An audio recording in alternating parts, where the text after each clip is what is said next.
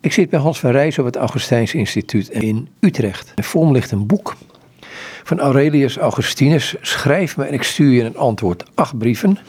Ingeleid vertaald van aantekening gezien door Weilen Arie Akkermans en Hans van Rijzen met medewerking van Vincent Hunink. Het boek is trouwens uitgegeven bij uitgeverij Damon in Eindhoven. Ehm, schrijf me en ik stuur je een antwoord. Acht brieven. Het is een prachtig boekje.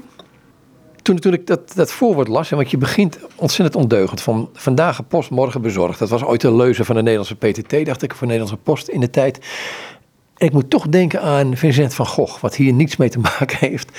Ehm, ik was van hem het aantal uh, brieven aan het lezen. Ehm, aan Theo van Gogh. En die brieven die deed hij dan bij wijze van maandag op de post. En donderdag waren ze in Parijs bij zijn broer. Hè, vanuit Arles bij zijn broer Theo in Parijs. En het was 1870, 1880 in die tijd. Ehm, is het een beetje vergelijkbaar? Niet helemaal. Want in de tijd van Vincent van Gogh had je echt een beroepsmatige postbedrijf. Zoals wij dat in Nederland uh, ook uh, hebben. Terwijl in Augustinus tijd was je echt afhankelijk van couriers, handelaars, vrienden die reizen moesten maken, diplomaten. Dus dat was alles behalve een professionele uh, postorganisatie. Maar niettemin kon je wel versteld staan van hoe snel en voortvarend poststukken relatief grote afstanden in het Romeinse Rijk konden overbruggen. En hoe dikwijls uh, goed contact uh, met elkaar werd onderhouden op een schriftelijke uh, manier. Kijk, het was natuurlijk niet de tijd zoals wij hier, die in mijn jeugd hadden, dat kan ik me nog wel herinneren, dat de postbode s'morgens en smiddags langskwam. En dat je uh, vrijwel zeker wist dat als je een brief de ene dag uh, postte, dat die de, de volgende ochtend of middag uh, werd bezorgd. En in ons familiearchief bewaren we honderden briefjes waarin de brieven van mijn grootouders naar mijn ouders. Als het ware een soort inhoud hadden van heden dagen de telefoongesprekken. Of ja, nu, zoals nu de, de mailtjes, zal ik maar zeggen, waarin je, of de WhatsApps, waarin je uh, allerlei gebeurtenissen om je heen deelt met anderen. In Augustinus tijd was dat anders. Niet iedereen kon schrijven en lezen. Je kon natuurlijk brieven zelf schrijven, dat deed Augustinus ook, dat weten we. Maar meer was het dat hij zijn brieven dicteerde en dan uh, aan het eind van een uh, eigenhandige handtekening voorzag soms ook een, van een zegel voorzag. We weten dat hij een zegelring uh, had. En dan uh, uh, met de koerier of vriend meegaf die, die, die zich op reis begaf. Wat moet ik me met een brief uit die tijd voorstellen? Nou, je hebt brieven in soorten en maten. Van Augustinus zijn ruim 300 brieven bewaard gebleven. Ja, er zitten, er zitten echt korte notities bij. Zoals uh, heden ten dagen uh, korte, korte mailberichtjes, zal ik maar zeggen. Maar er zitten ook zeer uitvoerige epistels bij, die de omvang hebben van een boek. Hij correspondeert ook met heel verschillende mensen van verschillend niveau. En past daar zijn stijl uh, ook op aan. Dus als hij te maken heeft met uh, een hoogopgeleid iemand of met een hoge bestuurder, dan spiegelt zich dat in zijn schrijfstijl. Terwijl als hij het met een oude vriend doet, dan, dan wordt hij ietsje informeler in stijl. Dus die correspondentie van Augustinus, die heeft veel kleuren.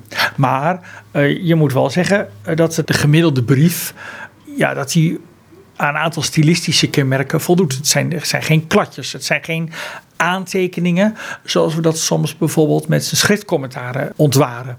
Zo'n brief beantwoordt bijna altijd aan de regels van klassieke retorica. Dus een geadresseerde wordt uh, eerst uh, uh, geprezen met een aantal mooie, mooie titels. En dan volgt er een al of niet een mooie samenvatting als Augustinus een antwoord of een reactie op een ontvangen brief schrijft. En vervolgens, als hem om een mening of een duiding wordt gevraagd, dan krijg je een mooi exposé wat vaak beantwoord aan allerlei, allerlei indelingen en uh, subindelingen. Nou, en dan aan het eind krijg je uh, wat uh, informele groeten. Het zij voor de geadresseerden, het zij aan vrienden of familie die daar ter plekke wonen en leven. Dus dat soort onderdelen kun je wel in de diverse brieven steeds aanwijzen. Je zegt, hij begint met een samenvatting. wat bedoel je daarmee? De titel van het boekje is Schrijven en ik stuur je antwoord. Sommige brieven van Augustinus, die bevatten duidelijk een reactie op ontvangen brieven van anderen. En wat je dan ziet, is dat hij ook wel trouw aan de traditie waarin hij leeft, eerst heel zorgvuldig de kwesties en de vragen die de ander aanstipt probeert samen te vatten. Wat voor ons een groot goed is, want daarmee uh, kunnen we ons dikwijls een beeld vormen van brieven die Augustinus ontvangen heeft, waarvan we de brieven zelf uh, niet meer hebben. Dus dan kun je toch een goed beeld vormen van wat de ander heeft geschreven. En het leuke is, in dit boekje is dus ook een aantal brieven van anderen opgenomen. En dan kunnen we eigenhandig nalezen hoe zorgvuldig Augustinus de vragen en problemen van de ander probeert samenvatten uh, in zijn eigen reactie voordat hij zelf uh, een betoog opzet om op die vragen te beantwoorden. Je zegt dus een wezen, dat ik het goed begrijp. Hij probeert eerst naar de ander te luisteren. Wat zegt de ander eigenlijk voordat hij een antwoord ja. um, geeft? Ja, dat uh, vind je niet, overigens niet alleen bij die brieven, maar bij die traditie uh, vind je eigenlijk uh, ook in dialoogvorm, waarin men zich, zich traint om wanneer een ander iets inbrengt in een gesprek, eerst de ander te proberen samen te vatten waarmee je kunt verifiëren of je de ander goed hebt begrepen en goed naar hem hebt geluisterd, voordat je je eigen mening en je eigen visie daarop loslaat. Een traditie overigens die tot, tot diep in de middeleeuwen bewaard is gebleven, die wij eigenlijk denk ik niet meer zo goed kennen. Uh, maar ook in de, in de middeleeuwse academische disputen zie je dat wanneer een kwestie wordt behandeld, eerst alle inzichten en argumenten tegen een bepaalde opvatting worden samengevat, voordat men ertoe begint om de eigen visie te verwoorden. Daar staat er ook een brief in en een antwoord. Um, en het gaat over hoe je als christen in een seculiere samenleving moet leven. Ik zeg het een beetje in mijn eigen woorden nu. Hoe de regels kunnen veranderen in veranderende tijden. Augustinus leeft inderdaad niet in een uh, geseculariseerde samenleving zoals wij. Maar leefde toch wel in een uh, periode van uh, grote veranderingen. Allereerst natuurlijk omdat uh, niet zo lang voordat hij zijn leven op aarde begon, de positie van de christelijke godsdienst fundamenteel veranderde. En Augustinus in zijn tijd nog uh, best wel veel te maken had met uh, sympathisanten van het, wat wij heden ten het klassieke heidendom noemden. Maar waarin zijn, zijn leeftijdgenoten, zijn rijksgenoten, natuurlijk vol van overtuiging waren, die, die leefden volgens de Romeinse godsdiensten. En die vonden dat uh, dat de ware godsdienst was. Dus dat, die spanning die vind je nog volop terug. Een deel van deze brieven die, uh, is ook gericht aan iemand die wel interesse en sympathie heeft met de christelijke godsdienst. En die, die, die stelt Augustinus kritische vragen over zijn eigen levensovertuiging. En Augustinus die, die, gaat, daar, uh, die gaat daarop in. De vraag die dan aan de, aan de orde komt is bijvoorbeeld van, uh, van ja, hoe kan het dat binnen de christelijke godsdienst uh, allerlei regels veranderen? Uh, regels lijken te veranderen, regels die betrekking hebben op de eredienst of op het gebedsleven. En waar een, een, een aanhanger van de Romeinse godsdienst ook kritisch over was, is of de nieuwe christelijke overheden, die vanaf de vierde eeuw opgang doen in het Romeinse Rijk, met natuurlijk van, te beginnen met de bekering van Constantijn. Het christendom wordt in loop van de vierde eeuw echt een, een staatsgodsdienst met alle gevolgen van dien. Ja, in welke mate de christelijke ethiek, de christelijke moraal zich laat verenigen met de staatsmoraal. En dan met name uh, natuurlijk uh, als het gaat om het, het, het, het, recht van verdediging van de staat, het recht van het al of niet het opleggen van doodstraf of überhaupt van straffen van misdadigers, maar ook het, het al of niet gebruik maken van rechtmatig geweld. En kan dat, laat zich dat verenigen met de christelijke moraal en de christelijke ethiek. En waarin je met name in de bergreden natuurlijk uh, volop oproepen vindt uh, voor uh, geweldloosheid, voor weerbaarheid.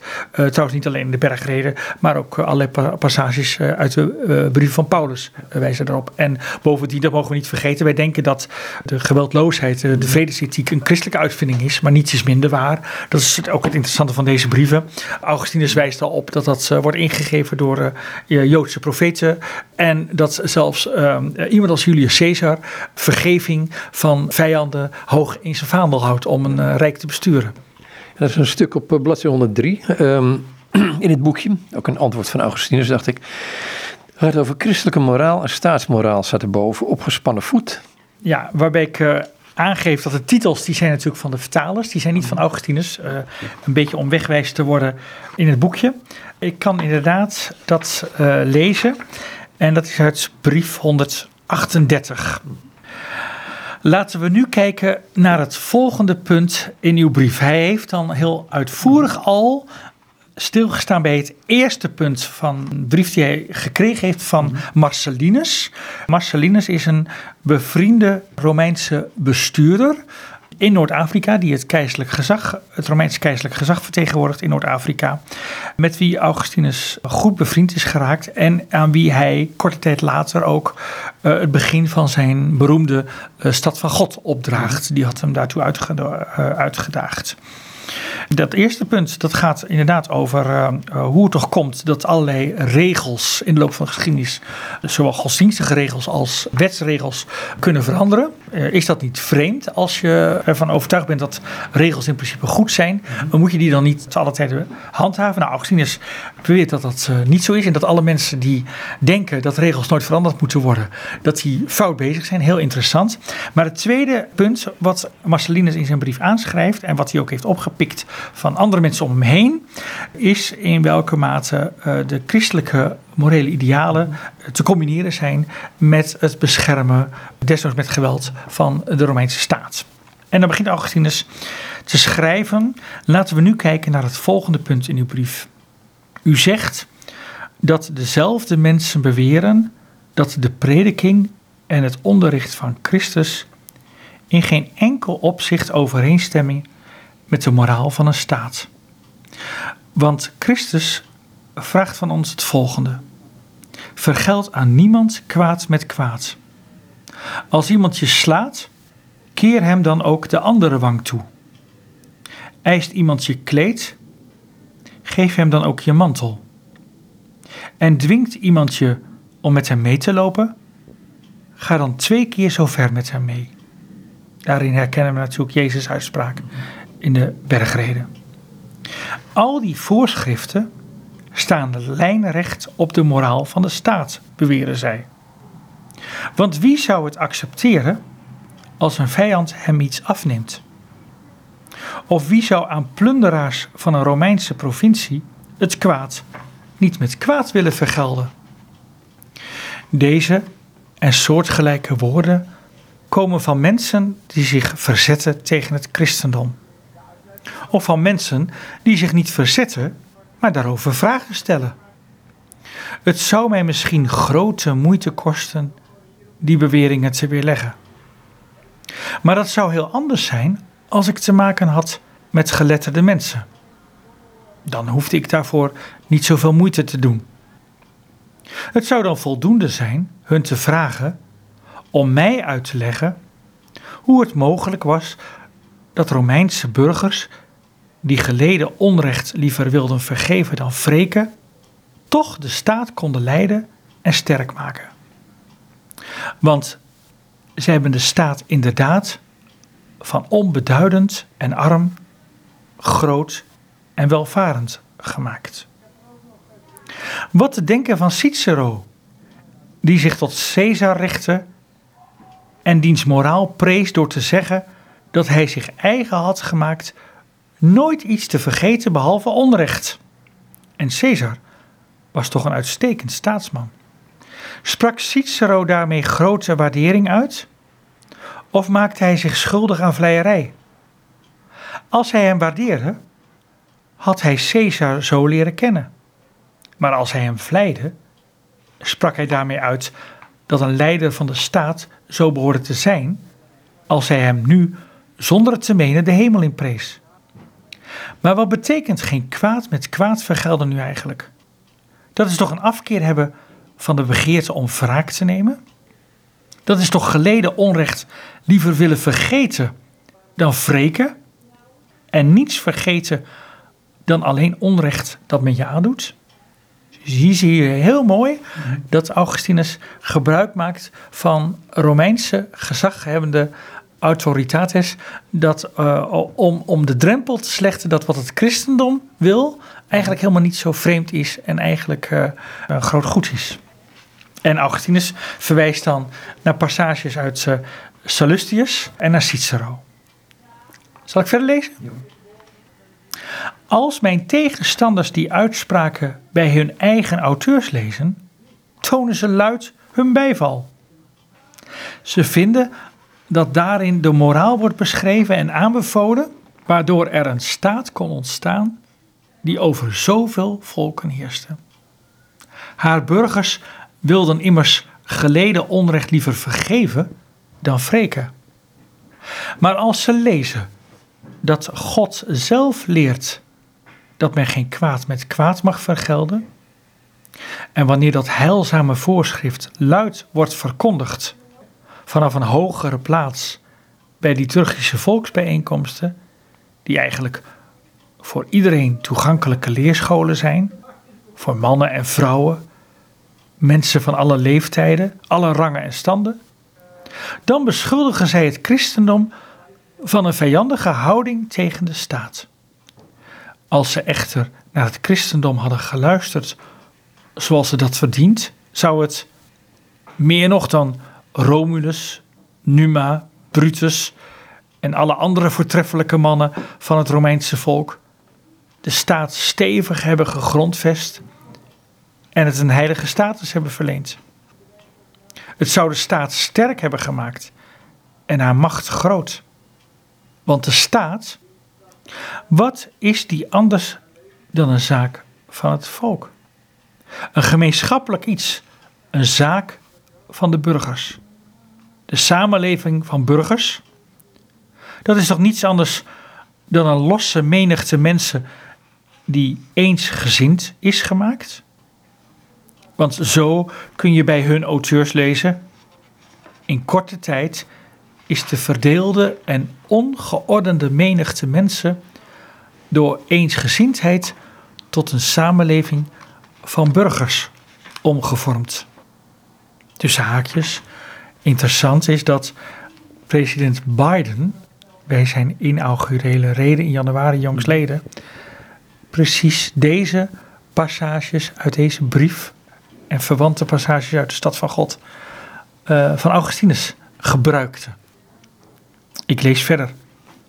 Hebben de Romeinen er ooit aan kunnen denken die aansporingen tot eensgezindheid in hun tempels te laten voorlezen? Zeker niet. Want ze zagen in hun ellende zich gedwongen te zoeken naar een goede manier om hun onderling verdeelde goden te eren zonder een van hen te beledigen. Stel dat ze die goden wilden navolgen door ook zelf verdeeld te zijn. Dan zou de band van eensgezindheid zijn verbroken en zou de staat ten val zijn gekomen.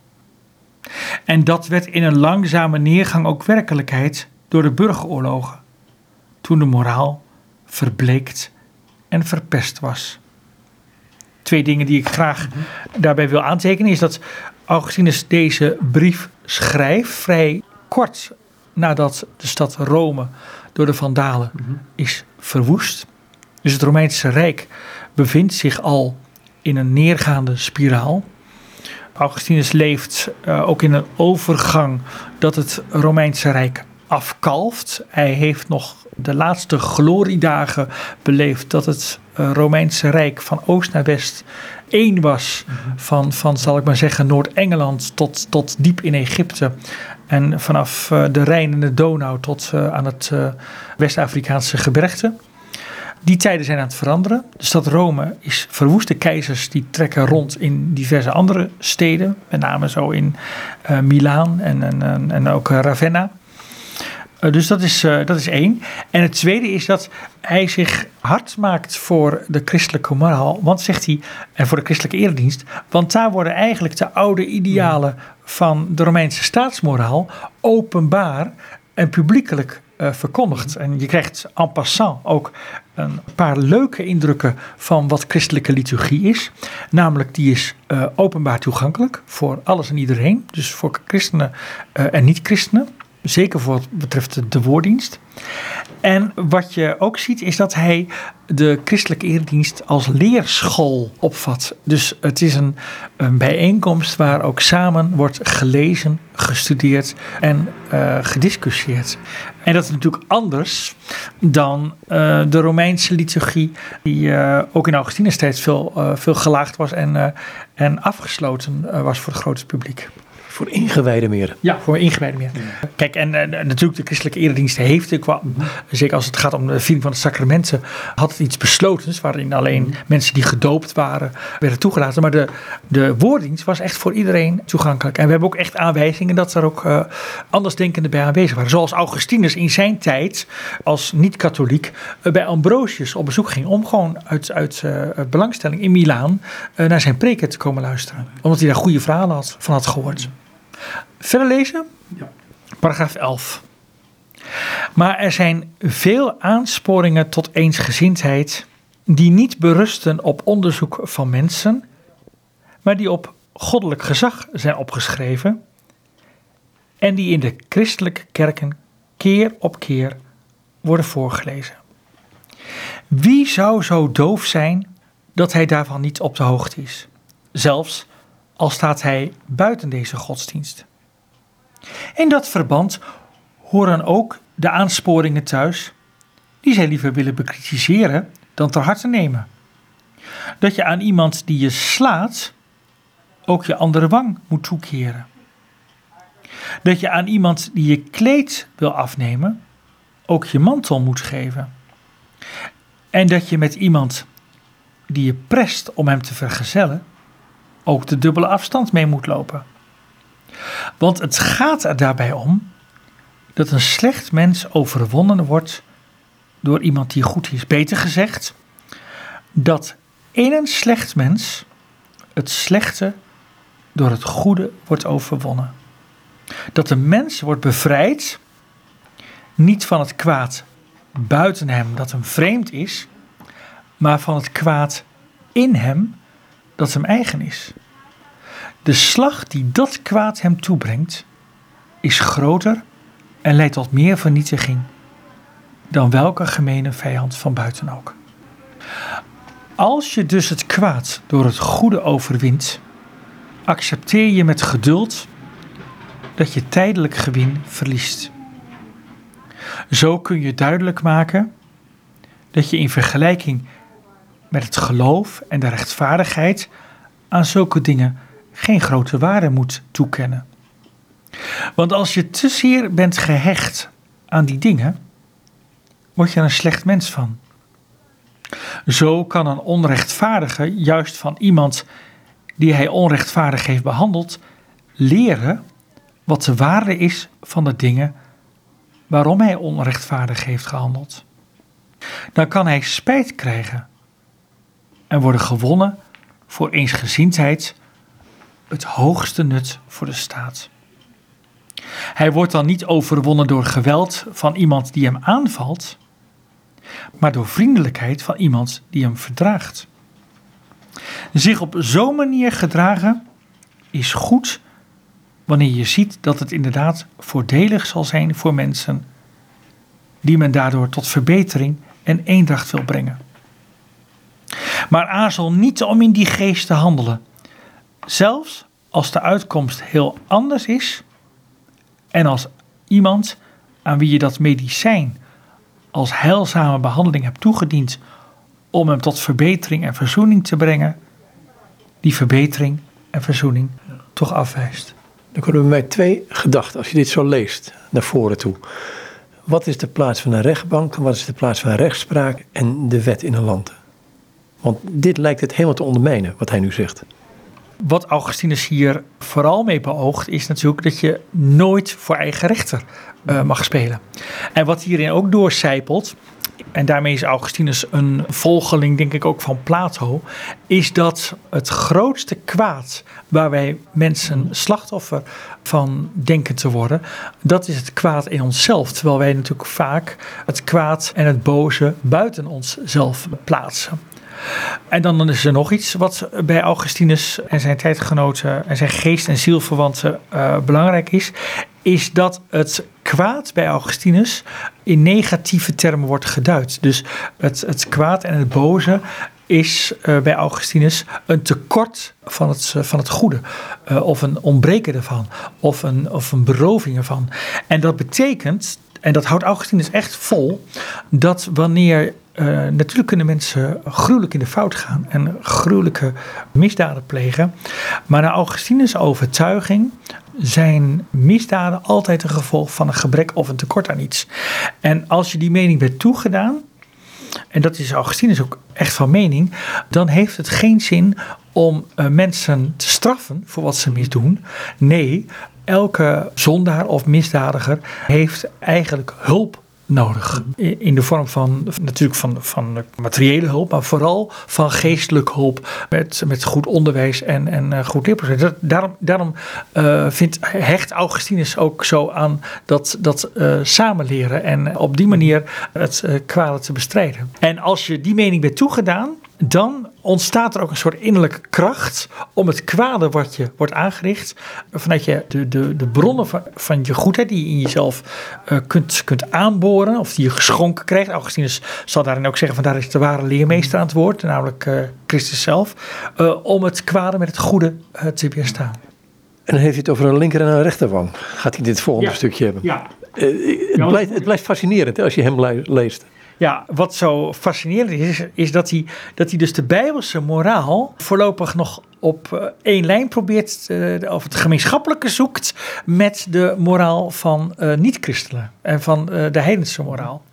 En dat is natuurlijk van belang, zoals hedendaag christenen geen meerderheid meer vormen, maar een, minderheid, dat wanneer je samen verantwoordelijk bent voor de opbouw van een staat, dat je moet zoeken naar het gemeenschappelijke met mensen die een andere levensovertuiging huldigen. En dat zie je Augustinus hier in antwoord op Marcellinus doen, die overigens zijn levensovertuiging deelt.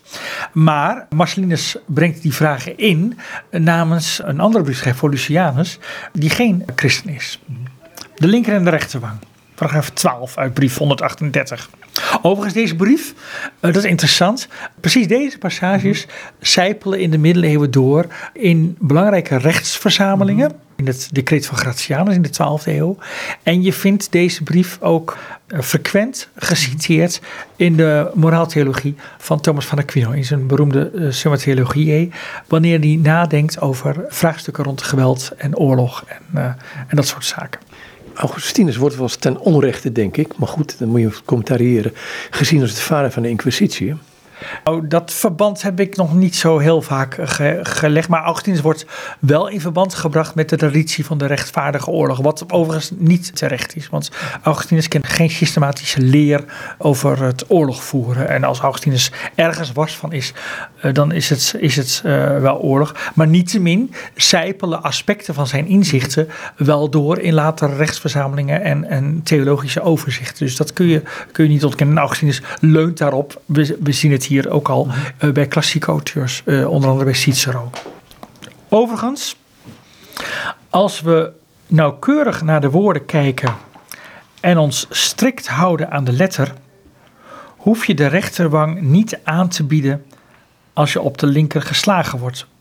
Want er staat, wie je op de rechterwang slaat, moet je ook de linkerwang toekeren.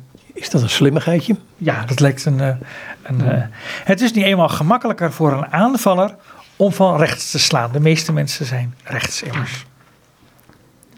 Maar gewoonlijk legt men die tekst uit alsof er gezegd wordt: als iemand in u aantast wat het beste is, keer hem dan ook het minste toe. Hier zie je al dat hij uh, overdrachtelijk gaat uitleggen.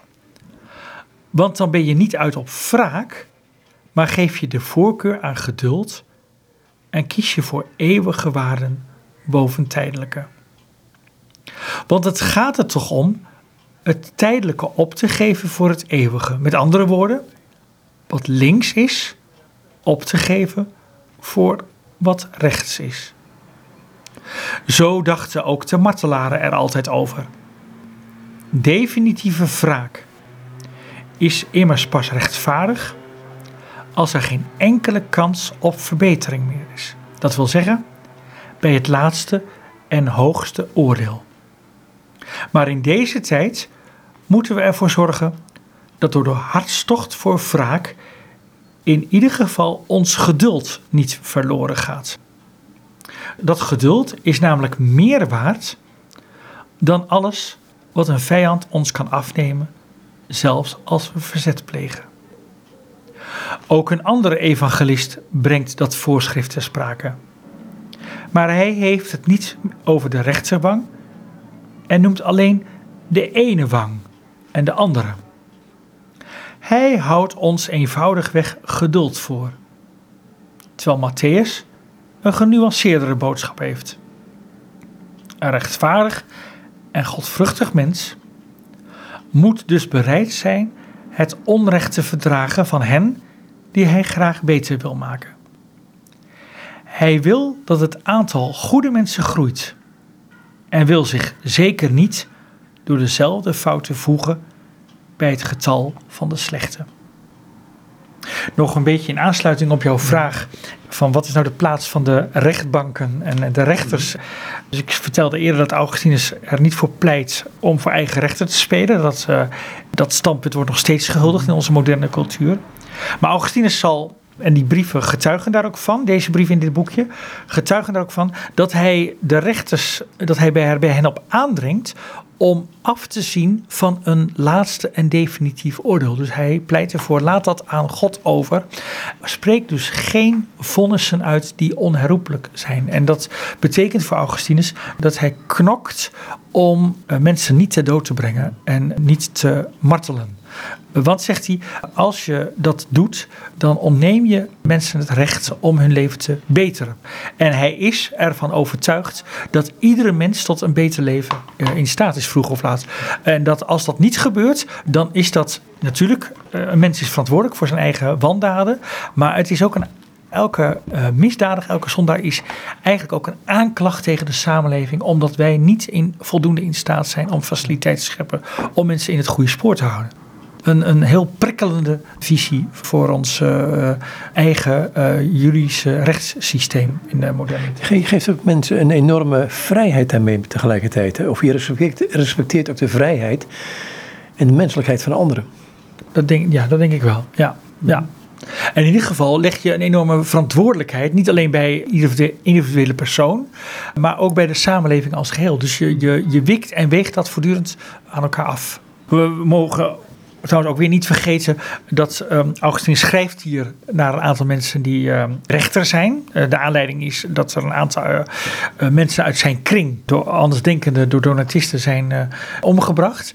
En hij dringt er bij die rechters op aan om niet in dezelfde mate die mensen te bestraffen. En dus af te zien van het, het oude rechtssysteem van oog om oog, tand om tand. Waarvan wij zeggen van dat dat barbaars is en, en misschien onmenselijk. Maar van Augustinus, waarvan we weten dat Augustinus in een vroeger geschrift al aangeeft van ja, dat zelfs dat, dat oude jus talionis, dat, dat, dat recht van evenwicht, dat betekent al een geweldige stap voorwaarts, omdat je uh, je afziet van je drang tot uh, bovenmatig wraak. Wat natuurlijk heel herkenbaar is in heden ten dagen. Dus dat als jij onrecht wordt opgedaan, dat je dan eigenlijk te bovenop wil slaan. En om dat te voorkomen, uh, is ons rechtssysteem ook uh, te voorkomen dat mensen privé voor eigen rechten gaan spelen. Zul dit verder lezen of zullen naar een andere brief gaan waar hij uh, iets vertelt over op de vraag van hoe kan God nou mens worden? Wat ja, is dit? Want dan ga je naar een heel wezenlijk iets van het christen zijn toe. Ik vind het ook mooi om dan eerst de, de samenvatting te lezen van Augustinus zelf van de brief die hij ontvangen heeft. Omdat hij dat, dat in eh, daar kreeg ik een prachtig beeld van welke vragen Volusianus, die heiden, hoe hij naar dat christendom keek. Dus dan begin ik met, uh, gaan we een brief naar voren, brief 137. En dan begin ik denk ik met paragraaf 2. Ja, want de eerste gaat, is geheel uh, gewijd aan, aan de, de loftuitingen voor, voor Lucianus, hoe erudiet hij is en hoe mooi hij schrijft. En dat, dat doet hij ook, want die, die brief die voor Lucianus schrijft, die doet ze weinig onder uh, qua literaire kwaliteit dan uh, hoe Augustinus hem uh, beantwoordt. Maar dan, dan begint Augustinus heel zorgvuldig met de brief van Volusianus samen te vatten. Deze brief 137 gaat in op de brieven 135 en 136 die ook in dit boekje zijn opgenomen. U legt mij dus de volgende vragen voor schrijft Augustinus aan Volusianus. Dat is overigens geen bestuurder, dat is een uh, Romeinse intellectueel. Mm-hmm. En hij heeft het over vele vragen die hij voorlegt. Ja, ja, ja, ja, ja, ja, ja, want het christendom is natuurlijk niet zo vanzelfsprekend. Heeft de Heer en bestuurder van de wereld de schoot van een onbezoedelde vrouw gevuld? Heeft zijn moeder de ongemakken van tien lange maanden gedragen en op de gewone manier haar kind ter wereld gebracht, terwijl ze toch maag bleef? En is daarna haar maagdelijkheid ongeschonden gebleven? De, de, de weerbarstige materie over de maagdelijke geboorte. En die tien maanden, dat zijn overigens maanmaanden. Heeft hij, die het heelal nauwelijks kan bevatten, zich schuilgehouden in het tere lichaam van een huilend kind? Heeft hij de jaren van de jeugd doorgemaakt? Is hij volwassen geworden en uitgegroeid tot een krachtige man? Was die regeringsleider zo lang afwezig van zijn troon en had hij de zorg voor de hele wereld overgebracht naar een lichaam dat zo klein was? Allemaal vragen hè? over hoe die grote God zo nietig klein werd in de kribben van Bethlehem. Vervolgens heeft hij geslapen en gegeten en alles gevoeld wat mensen voelen, zonder dat de tekenen van zo'n verheven macht op een onmiskenbare manier aan het licht kwamen? Want dat hij duivels uitdreef, zieken genas, het leven teruggaf aan doden, dat alles is toch te weinig voor God als je naar anderen kijkt die dit ook deden. U schrijft dat deze kwesties naar voren werden gebracht tijdens een bijeenkomst van vrienden door een van de vele aanwezigen. Maar u greep in en verhinderde hem nog meer vragen te stellen. De bijeenkomst werd gesloten en de zaak uitgesteld, tot er iemand zou zijn met meer kennis. We mogen ons namelijk niet met te weinig respect op die geheimen storten.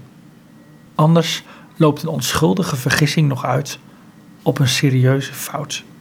Apart hoe hij dat over zichzelf zegt, hè? Of over... Ja, hij zegt het niet van, zich, van zichzelf. Hij, hij, zegt, hij, hij vat hiermee helemaal die brief van Volusianus uh, samen. Volusianus verwoordt dat ook in, in, in de betreffende brief. En dan komt allereerst, want daarmee wordt Augustinus dus aangeschreven.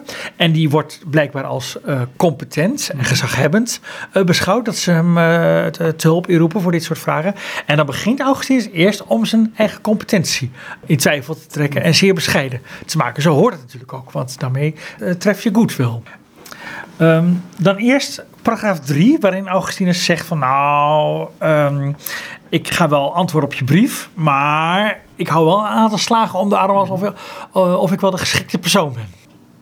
Dan richt u zich in uw brief verder direct tot mij. En na die erkenning van onwetendheid wijst u mij erop te beseffen wat er van mij wordt verwacht. U voegt eraan toe dat het ook in het belang is van mijn reputatie dat u een antwoord krijgt op uw vragen. Want, zo schrijft u, van andere priesters wordt onwetendheid toelaatbaar gevonden en die tast dan de religie niet aan. Maar als men bij mij terechtkomt, de bisschop, maakt alles wat ik toevallig niet weet geen deel uit van de christelijke leer. En dan komt Augustinus. Ik vraag u allereerst die mening over mij op te geven, want die heeft u te gemakkelijk aangenomen. Die waardering voor mij, hoe sympathiek ook, moet u opgeven en afleggen. Als het over mij gaat, gelooft u mij dan meer dan wie ook, als u mijn genegenheid voor u wilt beantwoorden. De rijkdom van de christelijke geschriften is zo groot dat ik er iedere dag nog verder in zou kunnen doordringen als ik me vanaf mijn prille jeugd tot in mijn hoge ouderdom uitsluitend in die teksten probeerde te verdiepen en bovendien nog zou beschikken over een zee van tijd, de hoogste concentratie en een buitengewoon verstand. Even tussen haakjes, Augustinus heeft juist diezelfde Volusianus in zijn eerdere brief aangespoord om regelmatig de Bijbel te gaan lezen. En open te staan voor teksten die makkelijk zijn. En zich te laten, intellectueel te laten prikkelen door teksten die moeilijk zijn. Overigens, hij raadt hem aan om niet met de evangelie te beginnen. Heel interessant. Maar te, be- te beginnen met de briefliteratuur. En dan het Oude Testament, de profeten, te lezen. Dus een heel, eh, eh, geeft ook iets aan van zijn eigen leesgeschiedenis.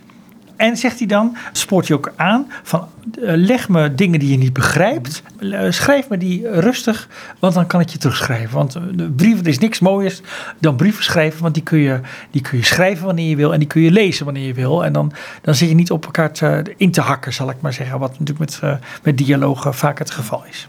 Ik lees door. Daarmee beweer ik niet dat het zoveel moeite kost om het inzicht te bereiken dat nodig is om gered te worden. Want dan zouden natuurlijk eenvoudige mensen nooit gered kunnen worden. Dat kan niet de bedoeling zijn. Maar als men daar het geloof heeft gevonden dat onmisbaar is voor een vroom en deugdzaam leven, blijft er voor mensen die verder zoeken nog meer dan genoeg over om te bestuderen waarheden die schuilgaan onder dichte schaduw van geheimen. Dus met name die, die Bijbel die is voor allerlei soorten mensen is die, eh, is die aantrekkelijk. Niet alleen in woorden, waarin alles wordt uitgedrukt, maar ook in de te begrijpen geheimen gaat zo'n diepe wijsheid schuil, dat voor die zoekers met hun jarenlange ervaring, begaafd met de grootste scherpzinnigheid en brandend van ijver, een woord uit diezelfde schrift van toepassing is. Wanneer een mens de wonderdaden van God denkt te begrijpen, begint hij pas. Een tekst uit Jezus Sirach.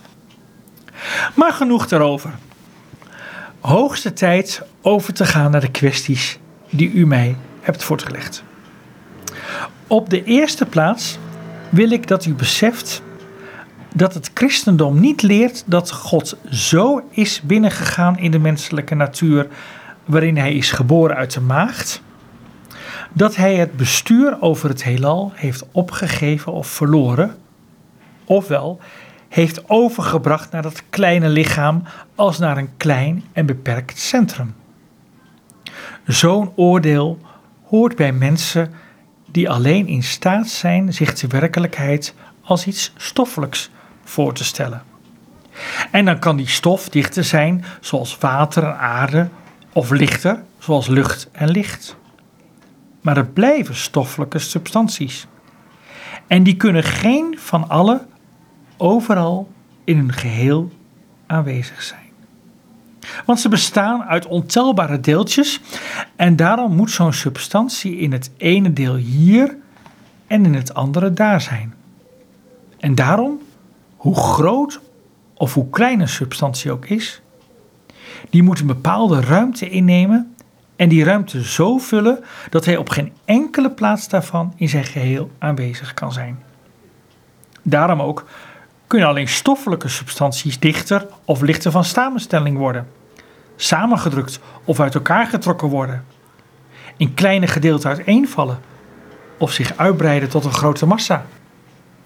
De ziel is wezenlijk anders dan het lichaam. En dit geldt nog veel meer van God, de schepper van ziel en lichaam. Van God kun je niet zeggen dat hij de wereld vult op dezelfde manier als lucht, water of het licht.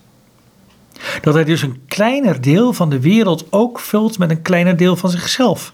En een groter deel met een groter deel van zichzelf. Het behoort tot zijn natuur op iedere plaats geheel aanwezig te zijn, zonder door een grens omsloten te worden. Hij komt ergens zonder te verdwijnen waar hij was. Hij gaat ergens weg zonder op te geven waar hij was aangekomen. Dus dat leert ons dat wij Gods aanwezigheid op een heel andere manier moeten proberen voor te stellen dan de manier waarop de fysieke dingen om ons heen en in ons aanwezig zijn. Hij gaat ons verstand en hart te boven, terwijl die anderzijds zo intiem ook weer in ons aanwezig is en blijft.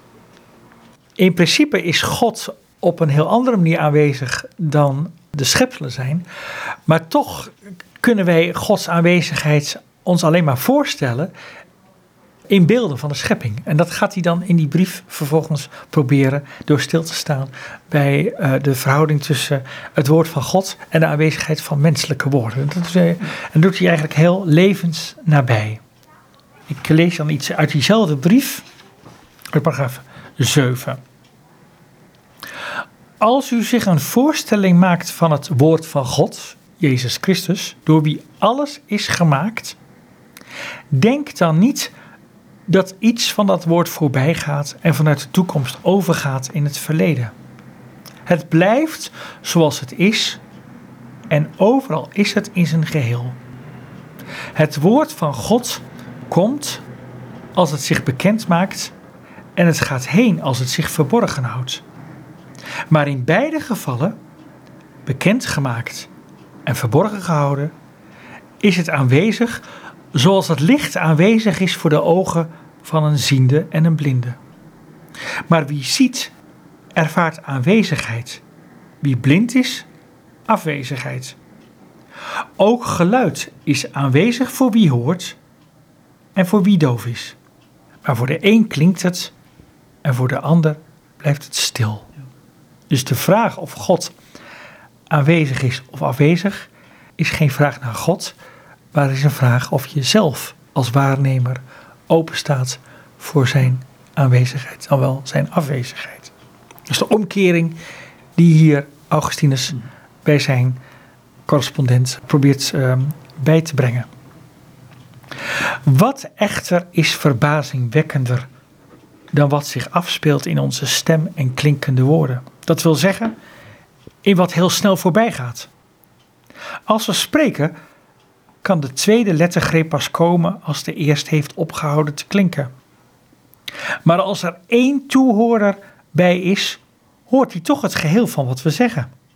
En als er twee bij zijn, horen zij beiden hetzelfde geheel als ieder afzonderlijk.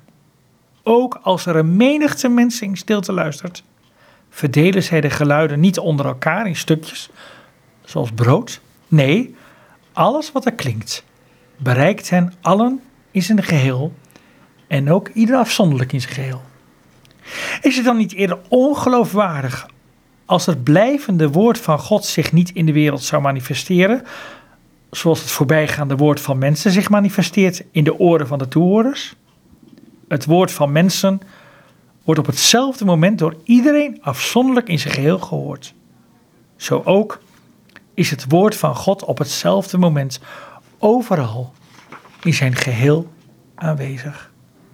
Kenners van Augustinus zullen in deze passage echt parallellen horen en beluisteren in preken, in zelfs kerstpreken, die Augustinus heeft gehouden over Johannes 1. Uh, in den beginnen was het woord en het woord was God. Paragraaf 8. Dat kleine kinderlijfje hoeft ons niet te verontrusten. We hoeven niet bang te zijn dat de grote God daarin zogezegd krap komt te zitten. Want niet door zijn omvang, maar door zijn macht is God groot. Hij die in zijn wijsheid aan mieren en bijen scherpere zuigen heeft gegeven dan aan ezels en kamelen. Hij vormt uit het kleinste zaadje een wijd vertakte vijgenboom. Terwijl uit veel grotere zaden tal van planten groeien die heel wat kleiner zijn. Hij heeft de kleine oogpupillen met zo'n scherp zicht toegerust dat de ogen met één blik in een fractie van tijd het halve hemelgewelf doorlopen. Vanuit een kleine plek in de hersenen verdeelt hij als vanuit een centrum de zintuigen in vijf verschillende richtingen. Vanuit het hart, dat kleine orgaan, laat hij een levenwekkende stroom zich over het hele lichaam verspreiden. God, die in kleine dingen niet klein is, laat door deze en andere voorbeelden zien dat het grote voortkomt uit het kleine. Zo groot is de macht van Hem, die ook binnen nauwe grenzen geen beperking ondervindt, dat Hij een maagd zwanger liet worden van een kind. Haar niet van buitenaf, maar van binnenuit geschonken. Door diezelfde macht nam hij een menselijke ziel aan en door haar een menselijk lichaam. een volledig mens werd hij om de mens beter te maken, zonder zelf ook maar enig verlies te lijden. Mens is de naam die hij van die mens overnam, zonder zijn grootheid te laten gelden. God is de naam die hij aan die mens gaf in zijn vrijgevigheid. Dezelfde kracht die hem ter wereld liet komen terwijl de schoot van zijn maagdelijke moeder ongeschonden bleef, bracht hem later, een jonge man geworden, door gesloten deuren weer naar binnen. Je ziet natuurlijk een prachtige inclusie in Jezus' leven, dat de, de maagdelijke gesloten, ongerepte schoot van de moeder een verwijzing bevat naar de gesloten bovenzaal in Jeruzalem, waarin Jezus de leerlingen door gesloten deuren tegemoet treedt en uh, met hen de geboorte van de geloofsgemeenschap uh, uh, laat baren. Dus dan zie je dat Pasen en Kerstmis met elkaar te maken hebben en eigenlijk op één, één geloofslijn steunen. Voor ons een weg eruit is, om het zo te zeggen. Ja, ja. Als je in dat geval, ik lees verder, naar een rationele verklaring zoekt, is het geen wonder. Als je naar een ander voorbeeld vraagt, is het niet uniek. Laten we toegeven dat God iets kan wat wij niet kunnen verklaren. De enige rationele verklaring in zulke gevallen is de macht van Hem die de daad heeft verricht. Het gaat ons denkvermogen ook te boven allemaal dit. Hè? En dat mogen we ook wel eens beseffen voor onszelf, dat we zeer beperkte wezens zijn. Ja, ja, ja, ja, ja. Uh, maar tegelijkertijd probeert Augustinus natuurlijk wel al die menselijke vermogens erbij te betrekken. Uh, kijk, het is begrensd, maar het wordt niet uitgeschakeld. Dus je wordt, je wordt toch op een hoger niveau getild. Paragraaf 9, uh, brief 137. Christus zoekt zijn rust in de slaap en hij stilt zijn honger met voedsel. Hij deelt alle menselijke gevoelens. Zo laat hij aan de mensen overtuigend zien dat hij de menselijke natuur heeft aangenomen en die in geen enkel opzicht heeft vernietigd. Zo is het gegaan, inderdaad. Maar toch zijn er ketters die in een valse verwondering over en bewondering voor zijn macht helemaal niet in hem de menselijke natuur wilden erkennen, die de glorie van zijn genade uitstraalde. Die genade is het waardoor hij heeft gered wie in hem geloofde. Hij die in zich de diepe schatten van wijsheid en kennis bevat. Vervult de geesten met geloof om hen zo tot eeuwige beschouwing te brengen van de onveranderlijke waarheid. Wat zou er gebeurd zijn als de Almachtige de mensen zo'n anders had gevormd en hem niet uit de moederschoot het leven had gegeven, maar hem plotseling voor de ogen van de mensen had laten verschijnen? Wat zou er gebeurd zijn als die mens niet jaar na jaar was veranderd van kind naar jonge man? Als hij nooit had gegeten, nooit had geslapen, dan zou hij toch alleen maar die ketterse opvattingen hebben bevestigd en zou maar nooit hebben geloofd dat hij waarachtig mens is geworden? Als al zijn daden wonderen waren geweest, zouden daardoor al zijn daden van barmhartigheid zijn uitgewist. Maar nu is hij als middelaar tussen God en de mensen verschenen en verenigde hij in één persoon beide naturen. Zo heeft hij wat gewoon was in hem verheven door het buitengewone en het buitengewone in hem gematigd door wat gewoon was. Met andere woorden, je kunt God wel verwijten van ja, uh, hij had natuurlijk ook op een andere manier mensen kunnen worden. Uh, maar als je, uh, zal ik maar zeggen, vanuit een antipathie dat gadeslaat, mm dan doet God het nooit goed. Dus welke weg hij ook zou kiezen, hij, als je ervoor open staat, dan neemt hij mensen voor je in. Maar als je er niet voor open kunt staan, ja, dan, dan vind je nooit aansluiting. Dat is een beetje de moeite van het geloven natuurlijk. Natuurlijk, de enerzijds de moeite en anderzijds de aantrekkelijkheid uh, van, het, uh, van, het, uh, van het geloof. En, en, van het verband dat Augustinus bijeenhoudt tussen God die de hele wereld in zijn hand houdt mm -hmm. en dezelfde God die ons tot in het diep van ons hart nabij wil zijn en blijven. Is dit dan een boekje voor deze tijd? Ik zelf ben de mening van toegedaan dat het boekje uh, zeer geschikt is om heden ten dagen te lezen. Niet alleen in de, in de dialoog tussen christenen en niet-christenen, maar vooral ook omdat Augustinus als christen pleit voor een humaan strafsysteem tegen marteling en doodstraf, opkomt voor reclassering.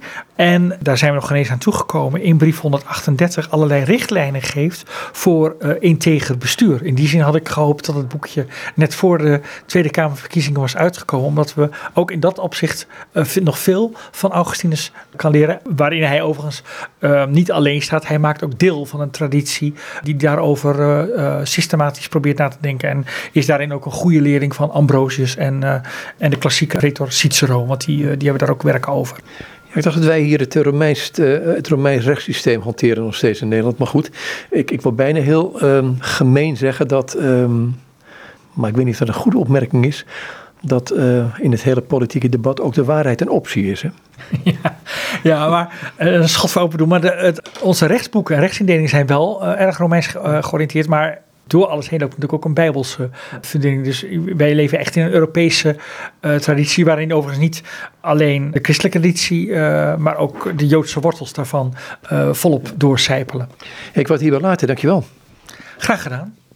En dit zei Hans van Rijzen. En met hem sprak ik over het boek Schrijf me en ik stuur je een antwoord. Acht brieven van Aurelius Augustinus. Ze zijn ingeleid, vertaald, van aantekeningen voorzien door... Um, de in 2020 overleden Arie Akkermans door Hans van Rijzen met medewerking van Vincent Hunnik. Het boek is trouwens uitgegeven bij uitgeverij Damon in Eindhoven. Goed, zoals ik al zei, het zo over dit gesprek met Hans van Rijzen.